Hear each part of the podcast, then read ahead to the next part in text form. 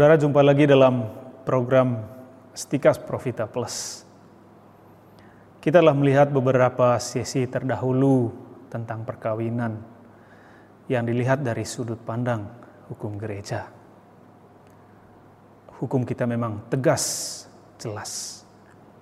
Namun tujuannya untuk kebaikan, bukan saja kebaikan pribadi dari pasangan, tetapi juga kebaikan bersama, keluarga, anak-anak yang dilahirkan, dan masyarakat pada umumnya.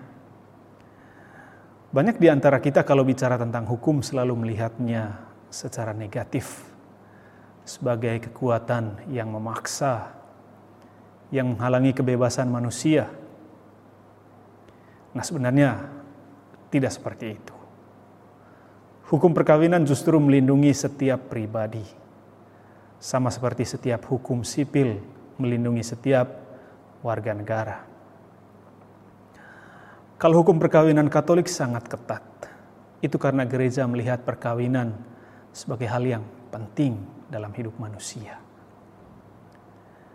Dalam pengajaran selanjutnya tentang keluarga, kami akan fokus pada ajaran pastoral, baik dari Paus Santo Yohanes Paulus II, yaitu dalam ajarannya tentang keluarga yang disebut dengan Familiaris Consortio, ya, yang diterbitkan ya akhir tahun 1981 sudah hampir 40 tahun yang lalu. Tetapi juga ada yang terbaru dari Paus Franciscus yaitu Amoris Laetitia tahun 2016 sekitar empat tahun yang lalu. Sesungguhnya kedua-duanya berbicara tentang keluarga Katolik di zaman modern ini menurut saya kalau kita ingin mengetahui pandangan dan ajaran gereja Katolik tentang keluarga, bacalah kedua buku kecil ini, kedua ajaran ini. Keduanya berasal dari dua pemimpin tertinggi gereja Katolik. Nah, saudara, perkawinan bukanlah peristiwa biasa bagi kita. Sama seperti tabisan untuk seorang imam atau untuk seorang uskup itu bukanlah peristiwa biasa. Hidup berkeluarga adalah suatu anugerah dari Tuhan untuk gereja dan untuk dunia. Ingat ya, perkawinan adalah anugerah Tuhan. Keluarga adalah anugerah Tuhan. Hidup perkawinan adalah sebuah karisma dari Tuhan, di mana seseorang dipanggil untuk melayani pasangannya dan juga anak-anak yang dilahirkan dalam keluarga tersebut. Sama seperti selibat, itu sebuah anugerah atau karisma bagi orang-orang tertentu. Demikian pula halnya dengan perkawinan. Ketika orang menikah, tindakan itu bukan saja tindakan yang dilakukan oleh dua manusia, tetapi Tuhan terlibat di sana. Inilah keyakinan kita.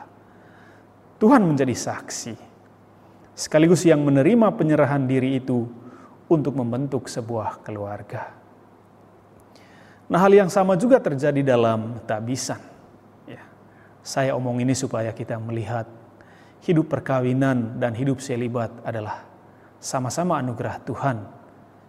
Ya, meskipun ya, hidup selibat tidak kawin demi kerajaan Allah menjadi kekasan dalam gereja Katolik.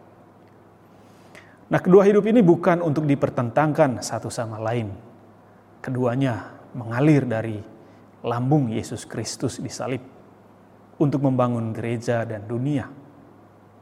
Maka janganlah melihat ribetnya perkawinan Katolik. Perkawinan memiliki nilai yang tinggi.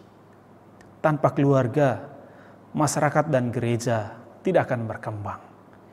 Hidup selibat juga tidak akan ada saya masih percaya bahwa keluarga yang dibangun di atas cinta kasih dan kesetiaan akan menghasilkan keluarga yang harmonis.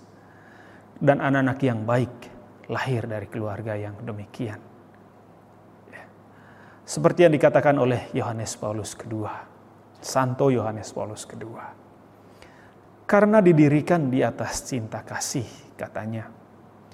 Keluarga dalam dirinya sendiri berisikan masa depan masyarakat dan tugasnya yang paling khusus ialah secara efektif memberikan sumbangannya untuk masa depan yang penuh kedamaian. Ini yang dikatakan Yohanes Paulus kedua pada amanatnya 1 Januari 1994 artikel 2. Kedamaian masyarakat tercipta pertama-tama dari keluarga. Sebagai masyarakat kecil, gereja kecil. Kalau keluarga tidak mampu menciptakan perdamaian, ya, pasti sulit menciptakan perdamaian dalam masyarakat yang lebih besar. Kalau ingin menciptakan perdamaian, kesetiaan dan cinta kasih harus menjadi dasar setiap keluarga. Lalu ngomong-ngomong tentang kesetiaan, ya, membangun kesetiaan di zaman kita bukanlah perkara yang gampang. Hal itu dibuktikan sebagaimana telah kita lihat bersama ya, begitu banyak pasangan menikah Katolik yang akhirnya bubar, putus di tengah jalan. Munculnya juga fenomena-fenomena perkawinan sesama jenis. Ya, ini mengubah pandangan kita tentang manusia. Perkawinan keluarga, seksualitas, bahkan masyarakat. Belum lagi masalah-masalah teknologi yang ada kaitannya dengan moral keluarga, seperti aborsi, cloning, pil KB, kontrasepsi, alat-alat kontrasepsi, dan semacamnya. Zaman kebebasan dan teknologi sekarang ini benar-benar menuntut suatu rahmat Tuhan untuk memiliki semangat dalam kesetiaan membangun keluarga. Sekali lagi ini bukan perkara dan pekerjaan yang mudah. Ya.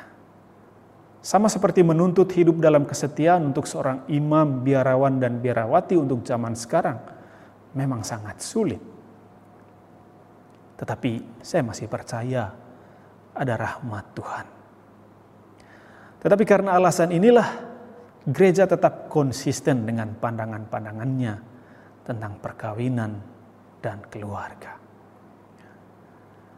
Nah, kalau kita ngomong tentang cinta, tentu hal-hal yang ideal dapat kita katakan bahwa cinta itu harus begini, harus begitu.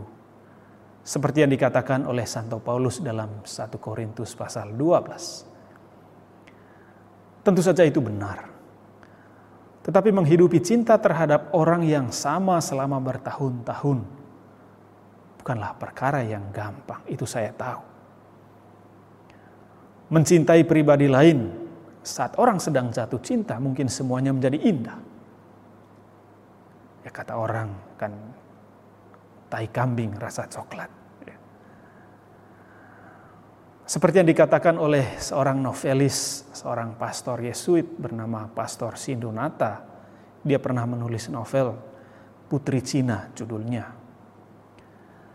Dia katakan begini, ketika orang sedang pacaran, mereka sedang memainkan sebuah drama atau sinetron. Dalam drama itu mereka bisa tertawa, membuat orang tertawa terpingkal-pingkal, juga membuat orang menangis dan sedih. Tetapi hidup berkeluarga kan bukanlah sebuah drama.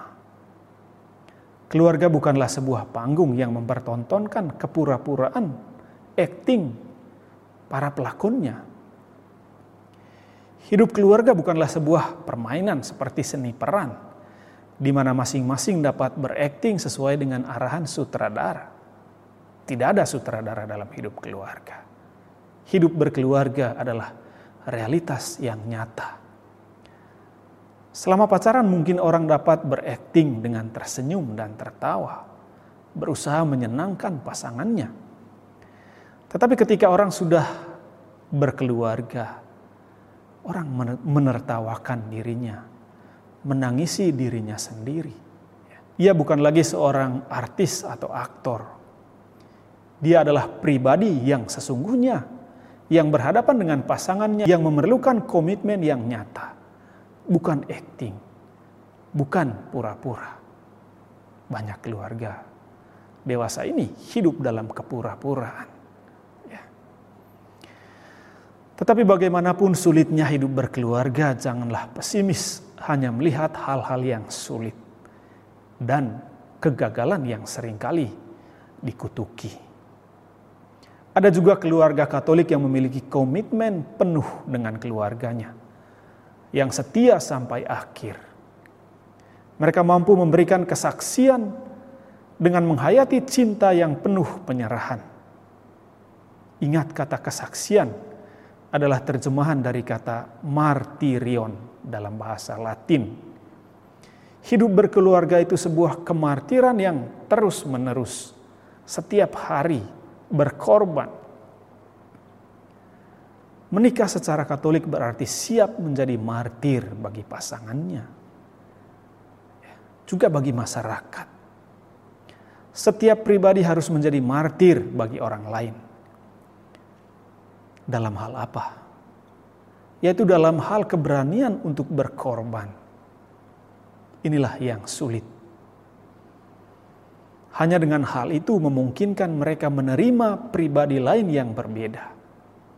Membuat kebutuhan dan permintaan orang lain itu menjadi kebutuhan dan permintaannya sendiri dan membuat orang lain mengambil bagian dalam kesejahteraannya dan kebahagiaannya sendiri. Maka keutamaan-keutamaan manusiawi perlu dikembangkan. Apa saja? Ya, misalnya kesabaran, pengampunan, membesarkan hati orang lain, bersolider dengan pasangan, dan lain-lain. Ini juga yang dikatakan oleh Santo Yohanes Paulus II dalam amanatnya 1994 artikel 2. Nah semuanya itu diringkas dalam kata cinta kasih yang mendasari hidup berkeluarga. Cinta kasih itu bukanlah sebuah perasaan yang berlalu, tetapi kekuatan mendalam dan berlangsung terus-menerus yang mengusahakan kebaikan bagi orang lain. Perasaan dapat berlalu, perasaan dapat hilang, tetapi cinta tidak pernah boleh hilang. Perasaan dapat dilukai oleh percekcokan. Perasaan senang dan tidak senang untuk pasangan bisa datang silih berganti. Tidak ada keluarga yang sempurna tidak ada orang yang memiliki cinta yang sempurna terhadap orang lain. Tetapi kehilangan cinta dalam keluarga bagaikan ya kata orang bagaikan pelita yang kehabisan minyak. Ya, terus terang saya sangat sangat mengagumi Yohanes Paulus II tentang ajarannya tentang keluarga.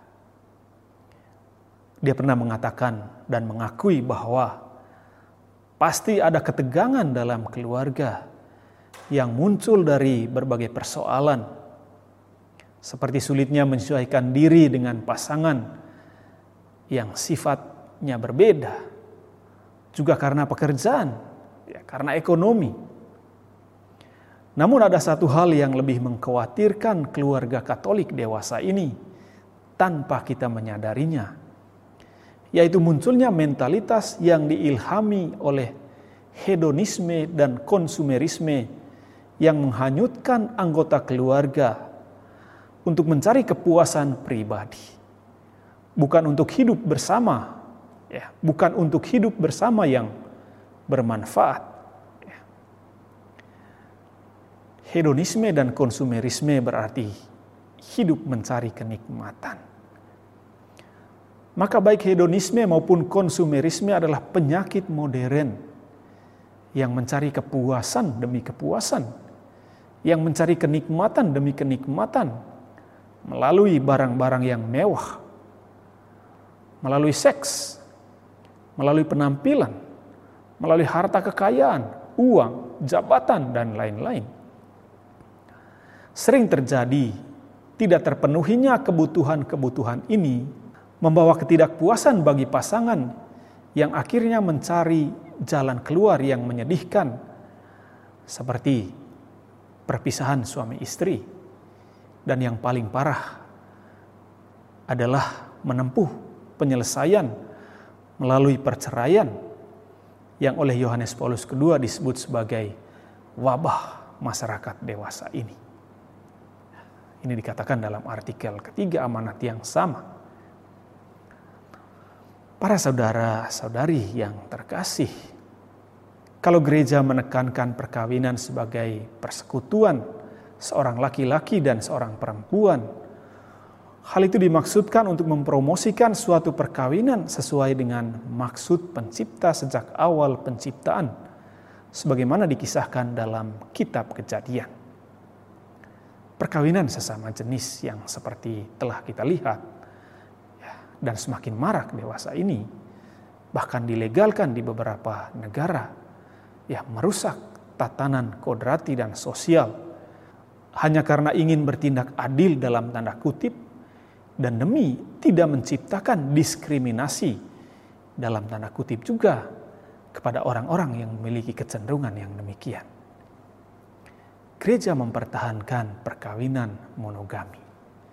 Hal itu dimaksudkan untuk memperlakukan pasangan bukan sebagai sebuah objek, melainkan sebagai seorang pribadi, sebagai sesama yang membutuhkan perhatian yang total, ya, bukan terbagi-bagi karena ada orang lain.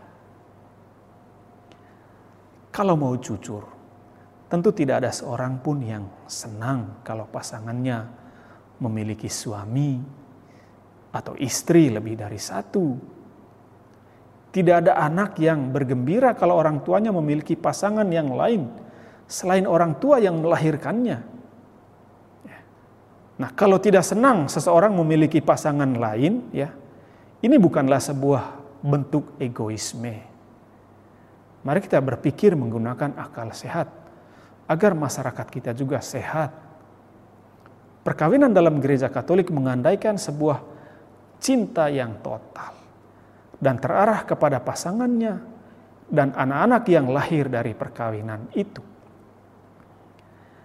Ini bukanlah soal seseorang mampu atau tidak mampu secara ekonomi, memiliki kekuasaan atau tidak, tetapi soal melihat pribadi lain sebagai tujuan dari suatu cinta yang total. Demikian juga kalau gereja menekankan tak terpisahnya suatu perkawinan kecuali oleh kematian, mau menunjukkan bahwa perkawinan sebagai suatu perjanjian bukanlah perjanjian yang ditepati hanya pada momen-momen tertentu. Pada saat-saat mengalami kebahagiaan, kesenangan, keberuntungan, melainkan janji seumur hidup dalam suka dan duka. Ini bukan hanya soal perintah Tuhan, yaitu apa yang dipersatukan oleh Allah tidak boleh diceraikan oleh manusia, melainkan bagaimana setiap orang mengelola konflik dan kesulitan yang dihadapi dalam hidup berkeluarga. Keluarga yang tetap utuh akan selalu menghasilkan keluarga yang utuh untuk membangun masyarakat keluarga yang utuh akan menjadi tempat pembelajaran yang ideal bagi anak-anak. Saya masih percaya bahwa anak-anak yang lahir dari keluarga utuh, ya meskipun saya masih percaya bahwa anak-anak yang baik lahir dari keluarga yang utuh, meskipun bukan mutlak juga. Ya. Saya masih percaya perjuangan dua orang, yaitu suami istri, secara bersama-sama dalam menghadapi kesulitan dalam hidup akan jauh lebih baik daripada perjuangan seorang diri. Ada suatu fenomena di negara-negara liberal dewasa ini, termasuk negara-negara yang dulunya Katolik. Banyak tidak percaya lagi kepada Tuhan. Demikian juga terhadap gereja.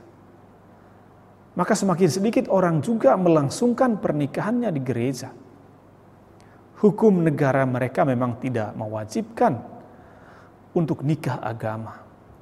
Karena mereka lebih menekankan pernikahan ya, sipil. Tetapi bagi kita orang Katolik, pernikahan bukan saja suatu tindakan hukum, di mana setelah pernikahan mereka sudah resmi sebagai suami istri. dalam pernikahan Katolik bukan saja tindakan hukum yang ditonjolkan, tetapi yang paling utama adalah aspek spiritual dan rohani di dalamnya. Pernikahan gereja sangat unik ya, kalau kita bandingkan dengan pernikahan agama-agama lain. Ini bukan soal orang memakai baju panjang masuk gereja penuh dengan keindahan. Juga bukan soal orang melangsungkan pernikahannya di gereja yang artistik dengan iringan dan alunan musik yang indah. Bukan itu yang membuatnya unik. Ya. Di dalam perkawinan ada suatu perjanjian timbal balik antara dua orang yang saling mencintai. Seorang laki-laki dan seorang perempuan. Cintalah yang menggerakkan dua orang untuk saling mengucapkan janji membangun keluarga yang sifatnya abadi.